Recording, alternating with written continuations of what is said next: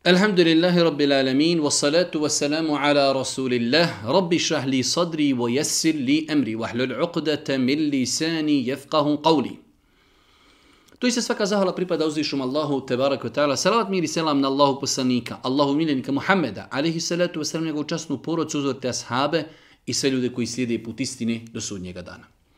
Uvaženi braću i poštovane sestre, uvaženi prisutni, Evo nas u još jednoj emisiji u kojoj se družimo sa vašim pitanjima, vašim dilemama, koje vi u pismenoj formi putem e-maila šaljete na našu adresu. Ovo je naša 134. emisija, ako smo dobro brojali emisije. Prvo pitanje,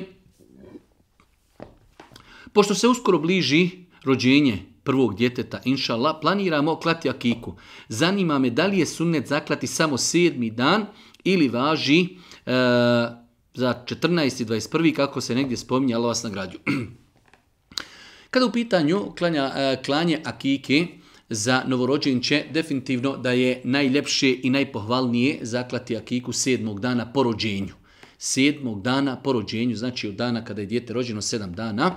Ako insan ne može tada, nije, nije, hajde kažemo, loše i pohvalno i lijepo može gledati da to bude 14. ili 21. dana.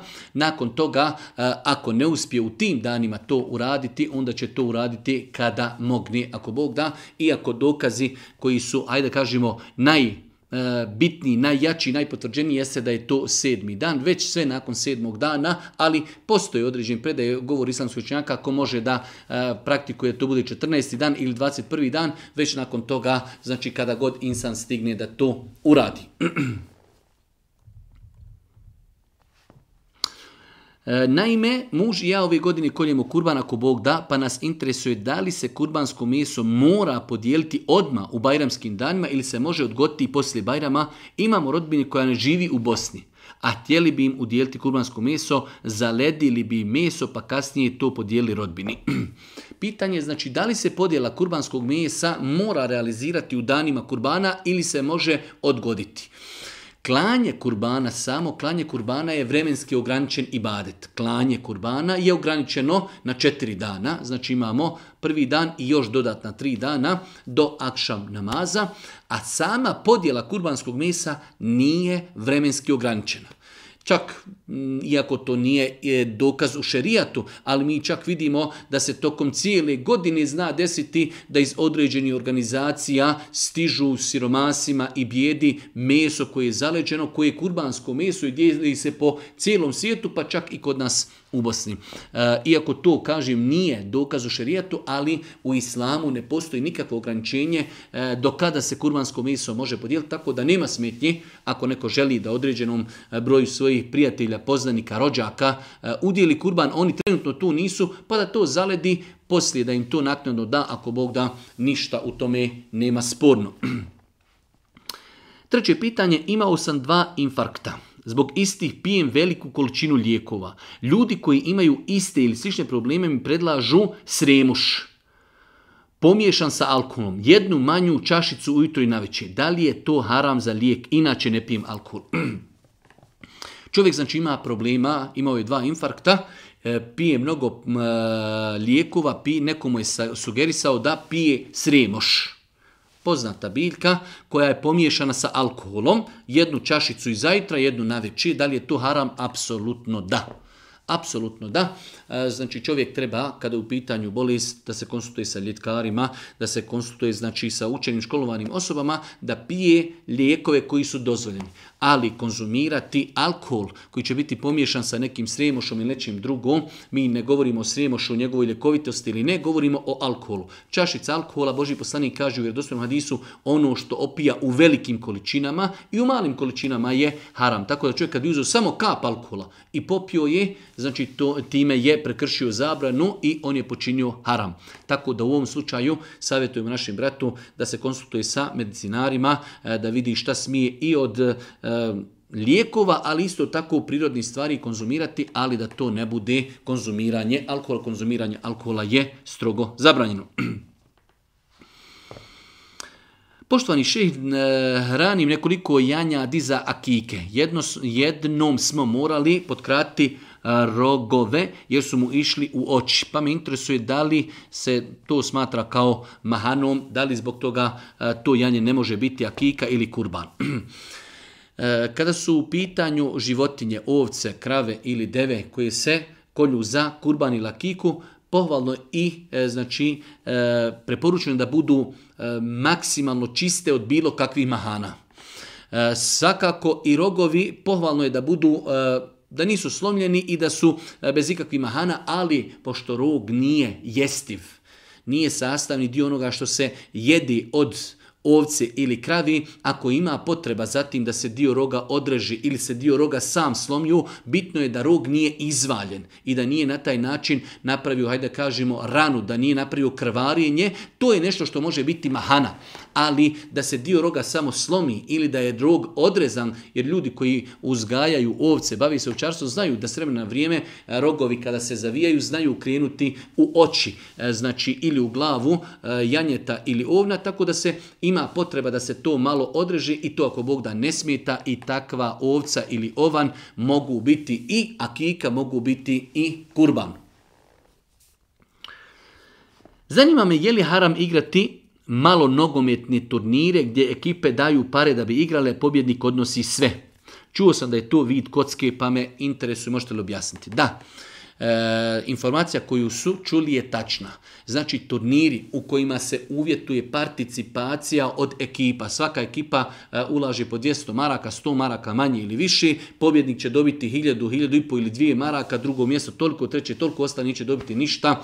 To je klasični vid kocke u islamu. ulažim 200 maraka, možda ću dobiti 1000, a možda neću dobiti ništa.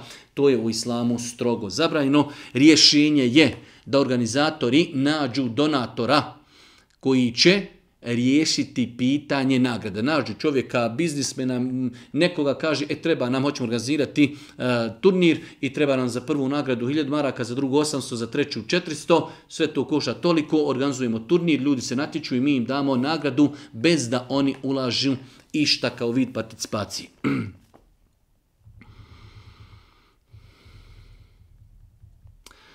E, čovjek govori e, o stanju sa svojom suprugom, pa između ostalo kaže, jučer smo se svađali, ja i moja supruga, u jednom trenutku je ona uzela Kur'an časni i zaklila se da će se rastati od mene. E, I tako dalje, ona je i dalje u kući, ali mene kopka u stomaku, bojim se Allaha da neću pogriješiti, da li smo se mi razvijeli i tako dalje. E, kada je u pitanju razvod, žena ne može sebe razvesti od čovjeka. Tako da i žena ako kaže ja ću se razvesti od tebe, od tebe, znači to ne snosi nikakve pravne šerijatske posljedice po njihov brak. Oni i dalje ostaju čovjek i žena. E, znači, mi smo govorili u više navrata kako žena može raskinuti i prekinuti brak sa čovjekom, ali ne može čova, žena čovjeku reći, e ja se razvodim od tebe. Kao što čovjek može razvesti ženu i kaže ja tebe razvodim. Čovjek može razvesti ženu, žena ne može razvesti sebe od čovjeka. Ima nekoliko načina i metoda kako žena može da prekine bračni ugovor i bračnu vezu između sebe i svoga muža, ali nigdje niko od učenjaka nije kazao da žena može kazati evo ja se od tebe razvodim. To znači ne snosi e, nikakve pravne posljedice po brak, tako da ovaj bračni par ako su shvatili da su pogriješili, bili ljuti, e, hoće da nastavi živjeti, oni mogu nastaviti živjeti. Ako ne želi, onda znači će tražiti šerijetski isprave načine kako da e, završi e, svoj bračni, bračni život. Zanima me da li mogu nositi Kur'an u školu, jer bi ga stavio u rusak, a samim tim bi mi bio iza leđa. U školi također rusak stavljam ispod klupe. E, nema smetnje. Nema smetnje da e, student nosi e, mushaf u torbi koju nosi na leđima. Nema smetnje da e, student koji nosi mushaf u torbi sa školskim knjigama, da ta torba bude njemu na leđima. E, kao što nema smetnje, isto tako znamo svi kako su školske klupe, pa ispod klupe imamo mogućnost da ostavimo ili knjige ili torbu, da se mushaf ili znači torba u kojoj ima mushaf stavi se ispod klupe na koju ćemo mi nešto gore pisati, ako Bog da to ništa nije sporno. Osmo pitanje. Danas sam bio na džumi namazu u tom i tom evropskom gradu. Imam koji predvodio namaz i rekao kako kada se kolje kurban za zdravlje roditelja ili za dobiveno dijete da po propisima treba podijeliti kurban sirotinji, a da familije, i prijatelji nikako ne smiju da probaju taj kurban i tako dalje. Da li je to ispravno, čuo sam od vas drugačije stavove i tako dalje. Generalno nije mi poznato da je neko od učenjaka zabranio, jer ovdje se kaže kurban za povodom dobivenog djeteta, znači to je akika. Kurban povodom dobivenog djeteta se zove u islamu akika. Nikada nisam čuo da je neko od islamskih učenjaka zabranio roditeljima E, koji kolju akiku za svoje dijete da oni ne smiju od tog kurbana ništa konzumirati. Ako se kolje kurban e, za roditelja, mi smo kazali da je to po određenom dijelu činjaka dozvoljeno ako se radi s ciljem sadaki.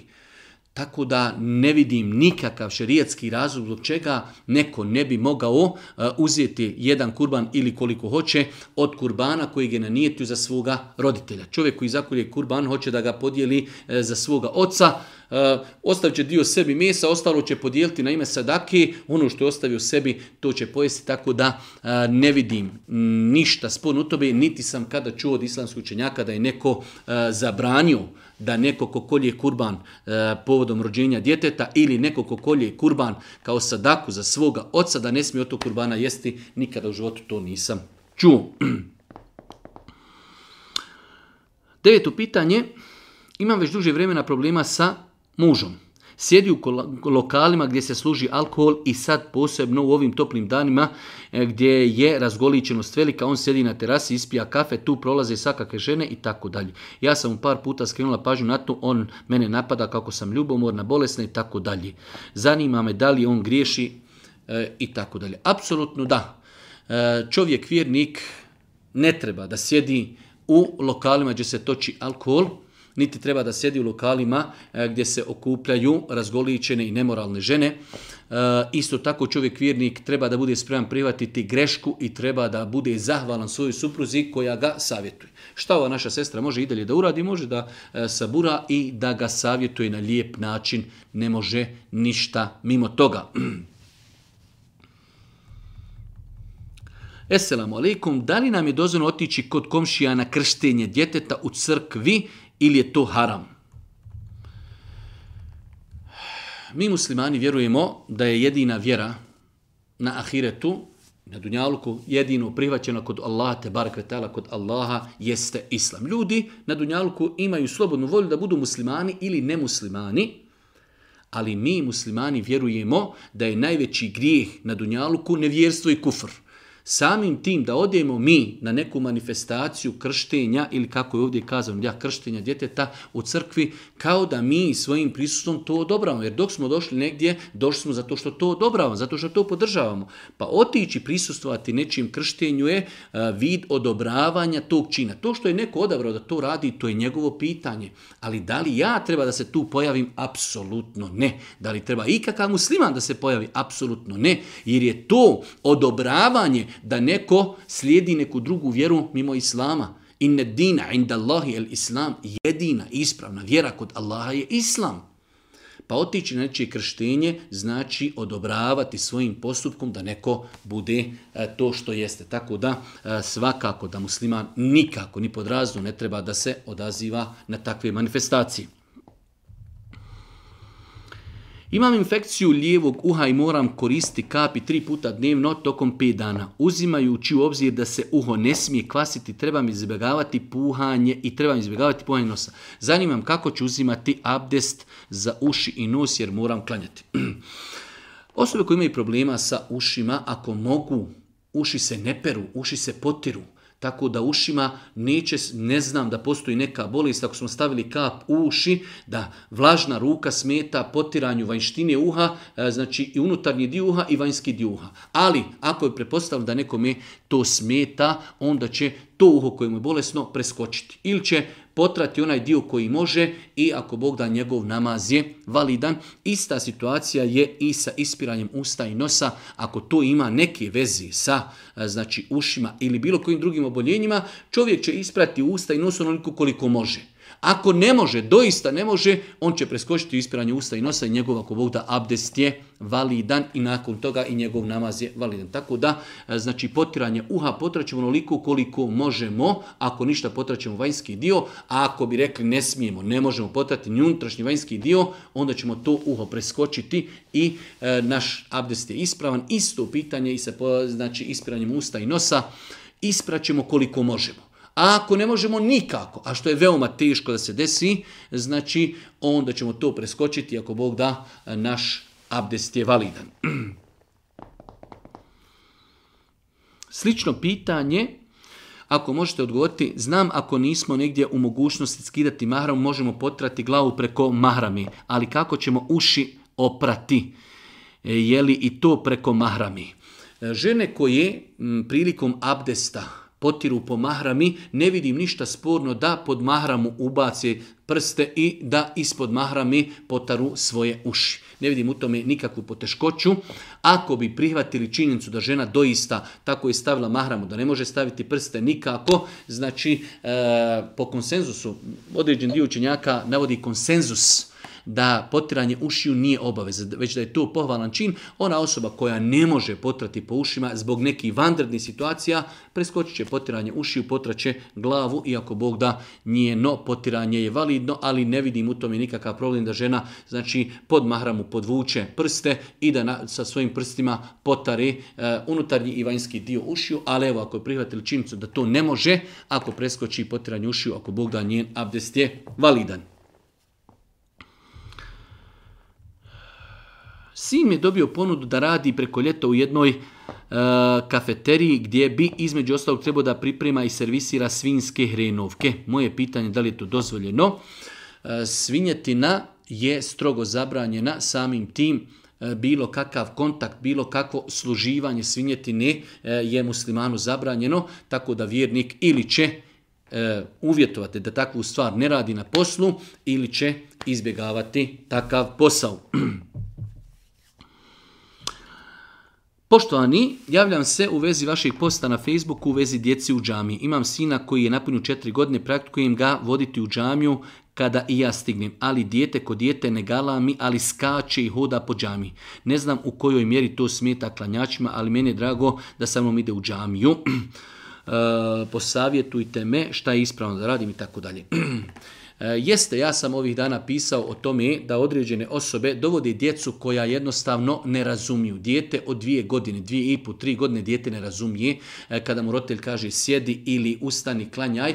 Djeca u toku namaza e, ustanu, vrište, krište, hodaju, šutaju te spihe. Imamo slučajeve za mjesec, u toku mjeseca Ramazana u velikim džamijama kao što je džamija Kralja Fahda gdje klanja stotine klanjača, gdje ima mora preknuti namaz zato što kod njega da dijete dira mikrofon, je čupa efendiju za e, džube i tako dalje. Tako da, e, Boži poslanik Ali se ratu u vjerodostojnim hadisima zabranio je glasno učenje Kur'ana kako ne bi time uznemiravali nekog klanjača. Učenje Kur'ana je ibadet, pa je zabranjen ibadet kojim ćemo mi uznemiravati nekog drugog.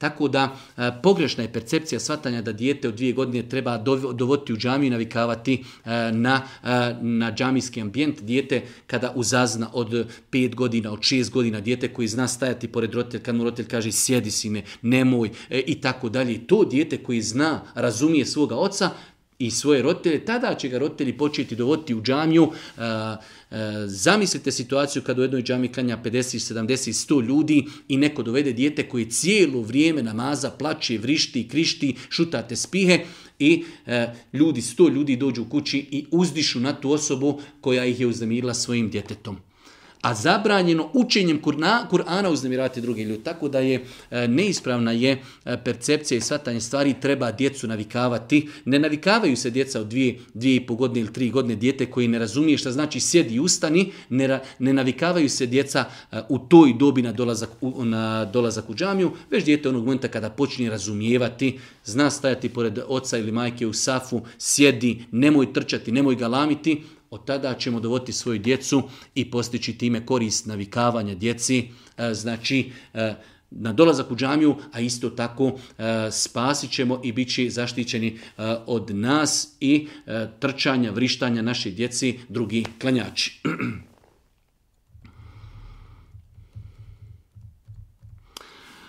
Pošto radimo u inostranstvu, nisam mogućnosti uživo kupiti kurban. Da li je dozvoljeno platiti pa, pare nekoj organizaciji koja umjesto tebe kupi kurban i zakolje za neko afričko muslimansko selo, pošto sam to vidio e, da postoji opcija i tako dalje.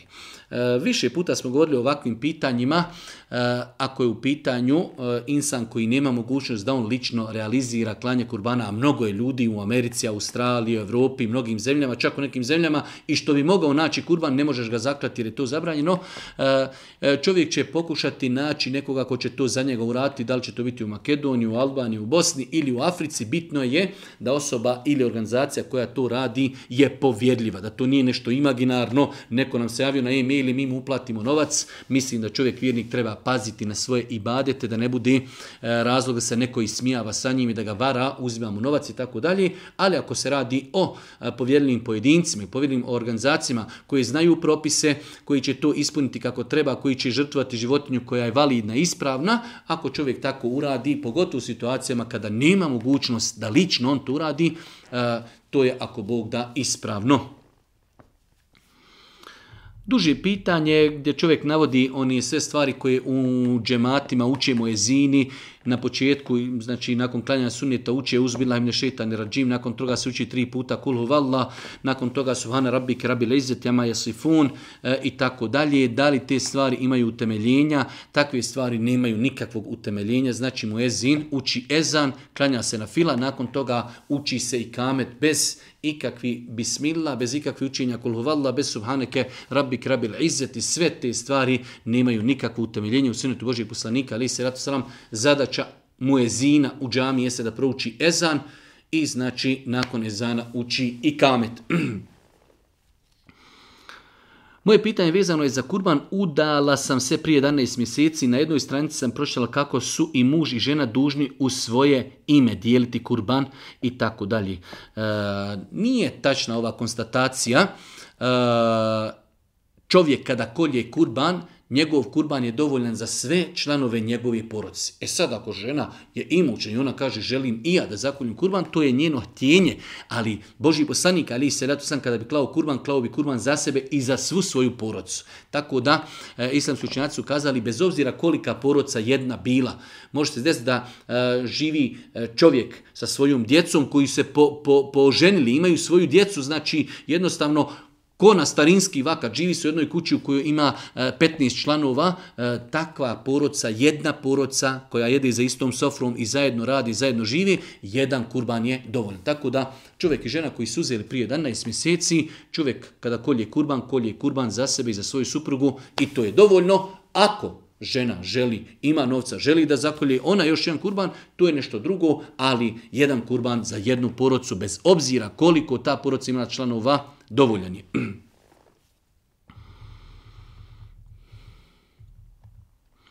Opet pitanje vezano za kurban.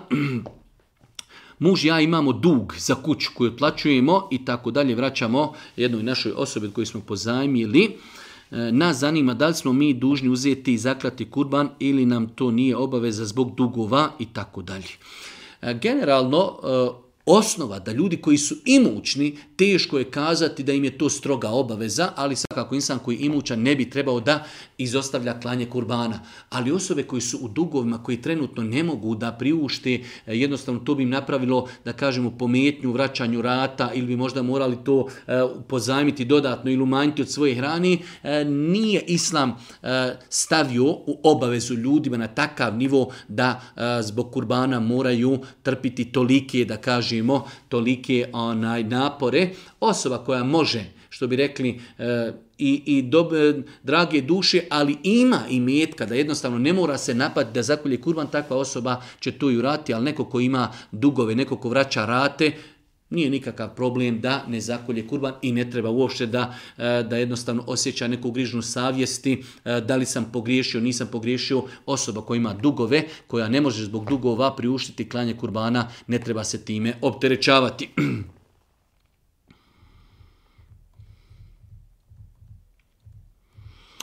E, opet pitanje je vezano za kurban, da li ispravno rati sa organizacijama koji će ti zaklad kurban donijeti cijeli kurban na adresu prvenstveno je sunnet i ljepši je da čovjek svoj kurban sam zakolji. To je ljepši i bolje i od sunneta. Ali ako čovjek nema prostora, nema mogućnosti, jednostavno, pogotovo danas mnogo ljudi e, po svijetu e, žive po stanovima, nemaju mjesta i prostora gdje da zakolju kurban, nema smetnje da čovjek povjerljivim institucijama ili pojedincima e, dogovori sa njima da mu zakolju kurban i da njegov kurban donesu njemu na adresu, on ga isjeće i on ga onda poslije toga dijeli. Ako i su ti pojedinci povjerljivi, poznati, osoba koja kolje da je to vjernik, praktičar vjeri, e, znači ako ovca ili kurban koji će klati je šerijetski ispravan, nema smetnje da to čovjek dogovori sa određenim e, institucijama ili osobom koji će urati, a da kurban kompletan njemu donese i da on to preuzme podjelu kurbana, sve to ako Bog da dozvoljeno.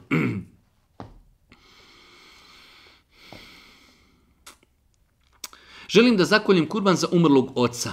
Da li kurban mora biti ovca ili može biti i udio u govečetu. Da li se kurban mora zaklati na dan Bajrama ili može i prija. U svakom slučaju, e, kada u pitanju klanje kurbana za roditelje, mi smo kazali ako to oni nisu oporučili, a u većini slučajeva to nije oporuka, ljudi to radi dobro, e, dobrovoljno, da je to vid sadaki. Samim tim ta sadaka nije ograničena da mora biti e, znači na dan kurbana. Čovjek ako hoće da e, jednostavno za svog oca zakolje kurban na dan Bajrama, e, to ništa nije sporno, ali tokom godine čovjek može uzeti kurban ovcu ili nešto drugo, zaklati na ime sadake to podijeliti da to bude na ime njegovog roditelja, tako da da kažemo to pitanje nije šerijetom definisano, nije mnogo eh, usko precizirano, ako insan doista želi i nijeti to bude onaj kurban, kurban kojeg mi svi koljemo, onda svakako treba da ga zakolje u periodu kada se kolju kurbani, ali sam taj ibadet klanja kurbana za mrtve osobe, ako to nisu one pre, eh, oporučile, eh, to je, e, Allah najbolje zna, sadaka i lično sam stava da je bolje davati direktno ljudima u novcu nego da im dajemo meso koji možda oni neće ni koristiti. Ako imamo, ako je kurban 300 maraka, 150 ili 200 eura, bolje da tih 200 eura dadimo nekome e, pojedincu, bijedi, da će sebi uzeti nešto što mu je potrebno, nego da mi zakoljemo kurban i sjećemo komade, podijelimo ljudima, a ljudi možda to meso i ne konzumiraju, možda će ga nekada, ne daj Bože, i baciti, što je svakako neispravno, ali hoću da kažem, ako već e, želimo sa daku za svoga roditelja ili nekog drugog, onda bolje da skratimo put, da to odmah dadnemo u novcu.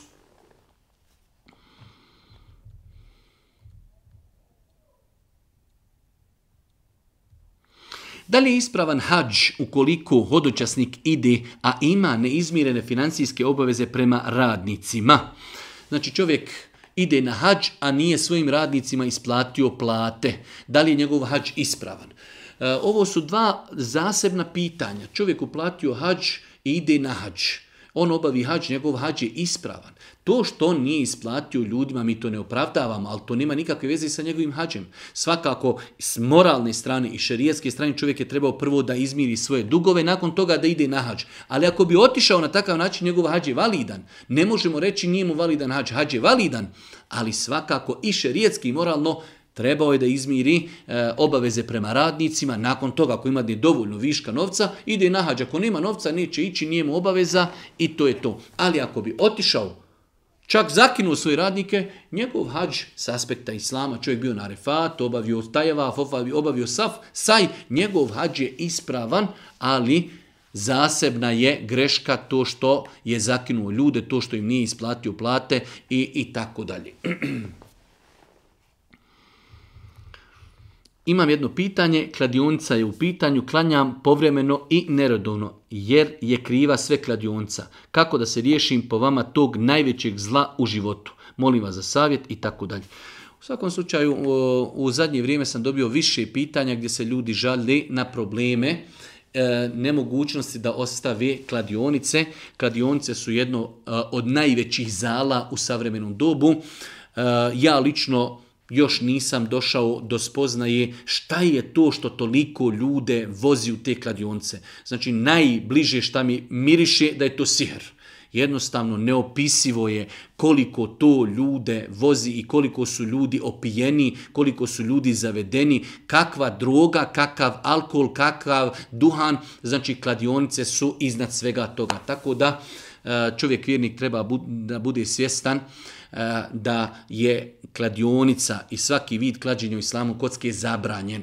Treba da bude svjestan da blagodat i mjetka i blagodat za koju će čovjek biti pitan kako je zarađivana i kako je trošena. Treba da bude svjestan da je na taj način uskraćuje blagodati svojoj porodici, uskraćuje blagodati svome djetetu. Treba da bude svjestan da taj imetak koji baca, nekoga zloupotrebljava, u većini slučajeva e, e, znači neprijatelji islama stoje iza tih kladionica i mi svojim imetkom hranimo neprijatelje Islama, e, uskraćujemo svojim suprugama, svojoj djeci, sebi uskraćujemo osnovne potrebe egzistencije, bit ćemo pitani za taj svoj imetak, e, mogli bi tim imetkom pomoći bijedu, pomoći mnogi islamske hajrli projekte, znači mnogo hajra bi se moglo uraditi sa novcem kojeg muslimani baci u kladionice, imati lijepo društvo, e, uskratiti sebi pristup novcu. Određeni ljudi imaju problem što imaju pristup novcu. Onog momenta, momenta kada ne bi imali pristup novcu, sigurno e, bi smanjili svoj odlazak u kladionice, e, izbjegavanje puteva koji vode do kladionica, druženje sa lijepim društvom koji neće čovjeku dozvoliti ako krene u kladioncu reći ne idi tamo, haram, zabrajno, idi s nama i tako dalje. To su sve neki načini metode kako čovjek može ostaviti kladionice. Ovako, djevojka moga nečaka, inače katolkinja ima krizmu ubrzo. Znači, e, njihovo to nešto, ne znam nija šta je. Uglavnom, pozvala nas je sve iz obitelji jer smo joj jako vezani s njom i tako dalje, da li je dozvoljeno otići na krizmu. E, ako pogledamo šta je krizma, kažu da je to sveta potvrda. Sveta potvrda kojom se potvrđuje da je određena osoba E, znači potvrđuje svoju vjeru i pripadnost crkvi. Tako da mi kada odemo na nečiju krizmu, otišli smo na nečiju potvrdu da on potvrđuje da je e, znači pripadnik crkvi. E, mi smo govorili više puta prema islamskom vjerovanju, jedina prihvatljiva vjera kod uzvišnog Allaha te je islam. Svi ljudi koji čuju za Muhameda alejhi salatu i ne povjeruju, po islamskom vjerovanju, ako umru na tome, oni će biti vječno u vatri.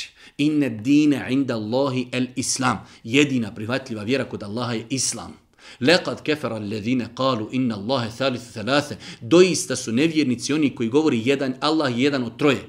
Znači oni koji su u trojstvu, Allah Đelšanu jasno Koran kaže da je to kufr i nevjerstvo. I samim tim kada mi idemo na nečiju krizmu, idemo eh, da učestvujemo i da potvrđujemo, odobravamo njegov, njegovo nevjerstvo, što nikako musliman sebi ne, ne bi trebao da dozvoli. ako imamo već neke lijepe komšinske odnose ili prijateljske odnose s određenom osobom, lijepo ćemo na lijep način kazati eh, to je vaš odabir, mi vas ne možemo nasilu utjerati i to je zabranjeno u islam, ali mi ne možemo prisustvovati takvim ceremonijama, to se krši potpuno sa načelima islama.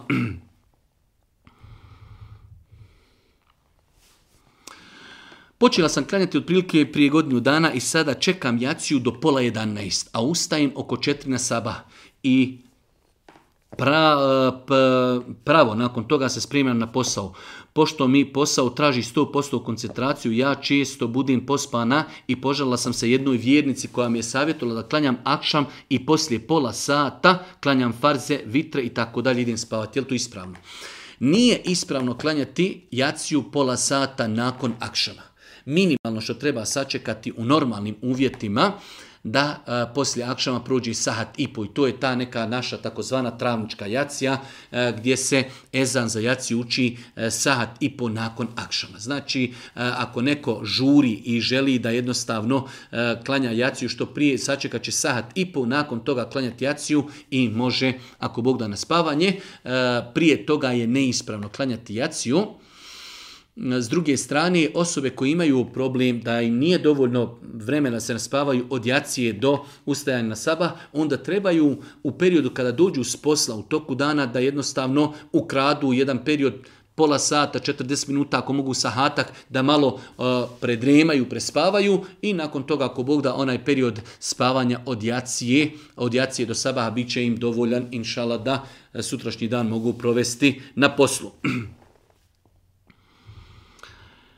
Da li je haram učestvovati u izvlačenju za nagradu koju organizira market? Uslov je da se određen artikal, da kupiš određen artikal i to u određenoj vrijednosti.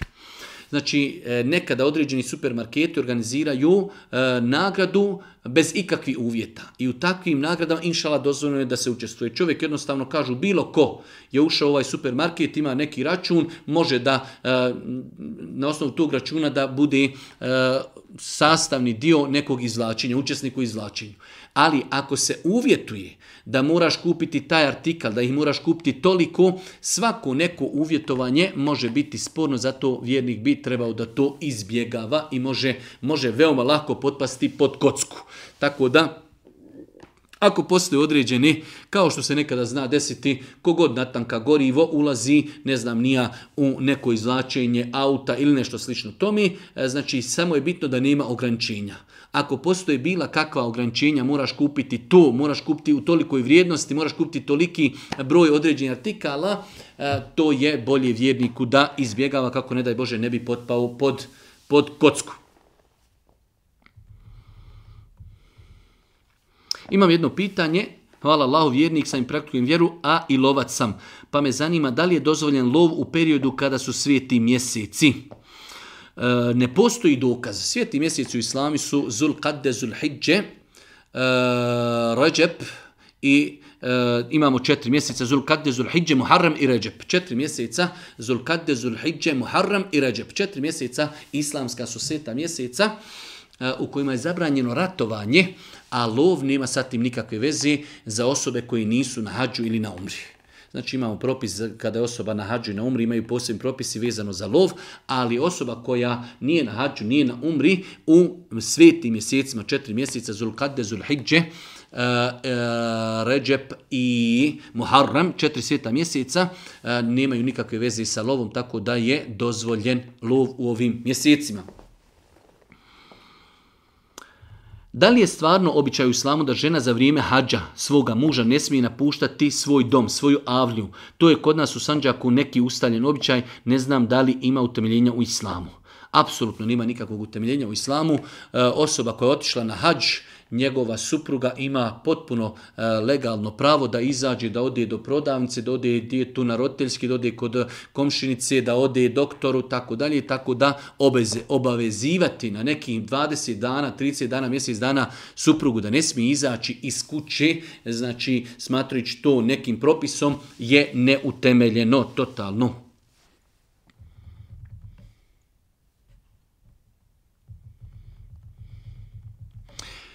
Molim za odgovor u vezi rukovanja između muškarca i žene. Moj sin se ne želi rukovati, odnosno pozdravljati sa ženskim osobama. Kaže da je to grijeh, mada ja lično mislim da je to previše. Molim za vaše mišljenje. E, imamo ovdje dva termina, kaže ne želi se rukovati i pozdravljati. Ako je u pitanju rukovanje sa ženama kojima e, muškarac nije mahrem, Mahrem je osoba koja ne može sa određenom osobom nikada stupiti u brak, trajni mahrem. S takvim osobama je dozvoljeno rukovanje. Znači, e, dječaku je dozvoljeno da se rukuje sa svojom majkom, sa svojom sestrom, sa svojom nanom i tako dalje. Znači, žene iz bližnje rodbine kojima je on trajni mahrem, njima, njemu je dozvoljeno da se sa njima rukuje. Žene kojima on nije mahrem, s kojima može stupiti u brak, zabranjeno da se sa njima rukuje. E sada ostaje ovdje pojam, kaže... E, Pozdrav i rukovanje. Zabranjeno je rukovanje, ali nije zabranjen pozdrav. Čovjek naiđe pored ženi, uđe u prodavnicu i kaže selamu alikom kako ste, ste se naspavali, pored komšinice, pored znači nekoga e, ženi, nije sporno da insan nazove selam i da se upita. To je pozdrav. A rukovanje, rekli smo da ako se radi o ženama kojima je e, osoba muška mahrem, onda se sa njima može rukovati. Ako su to u pitanju žene kojima on nije mahrem, onda mu nije dozvoljeno se rukovati sa takvim im ženama. I svakako, pridržavanje za takav propis nikako se ne smije smatrati pretjeravanjem u vjeri. Čak treba žena da bude ponosna na svoje dijete koje je shvatilo istinu i shvatilo propise. Znači, podržavamo e, ovoga uh, mladinca koji se ne rukuje sa ženama, ali isto tako nema smetnje da e, insan u datom momentu osobama koji nisu njemu mahrem, ako postoji zatim potreba, da li prilikom ulaska e, u prodavnicu, u školu, u općinu ili negdje drugo, da se nazove selam, da se pozdravi, da se upita ako Bog da u tome nema ništa sporno. Ako imaš nije da skupljaš pare za hađ duži niz godina i nakon nekoliko godina sakupiš iznos koji premašuje nisab, da li taj iznos koji e, izdvajaš ako dočekaš, ako Bog da sljedeću godinu, e, daješ zekijat? Pitanje znači da li pare koji sakupljamo za hađ, ako dostignu nisab i pregodini dan na njih dajemo zekijat, apsolutno da. Znači svaki novac koji se štedi Bez obzira da li to za kuću, kupovina stana, auto, hađ, umra, ženidba, svadba, bilo koji novac koji mi štedimo i dostigao je nisab. Nisab je otprilike 10.000 maraka i nakon toga godinu dana od momenta kada je dostigao nisab, godinu dana on stoji kod nas, nakon godinu dana mi treba da izdvojimo na taj novac zekja 2,5%, a to ćemo dobiti na način da tu svotu podijelimo sa 40. Da li ima smetnje ako se kurban kupuje od nemuslimana nevjernika? E, nije uvjet da bi kurban bio validan da se kupuje od muslimana. Može se kupiti od bilo koga, bitno je da e, životinja kao životinja koja se e, žrtvuje kao kurban bude ispravna. Znači da bude, da nema mahana, znamo šta su mahane koje ne smiju da budu pri kurbanu. Ako je to životinja validna, ispravna, nema smetnje da bude kupljena čak i od nemuslimana. Koljem ovcu za kurban imam nijet kurban poslati u e, rehabilitacioni centar, pa nas zanima da li od tog kurbana mi moramo podijeliti bližnjoj porodici, na primjer mojim i muževim roditeljima, ili komad ostaviti za sebe. E, ili možemo sve uručiti e, za ovaj centar.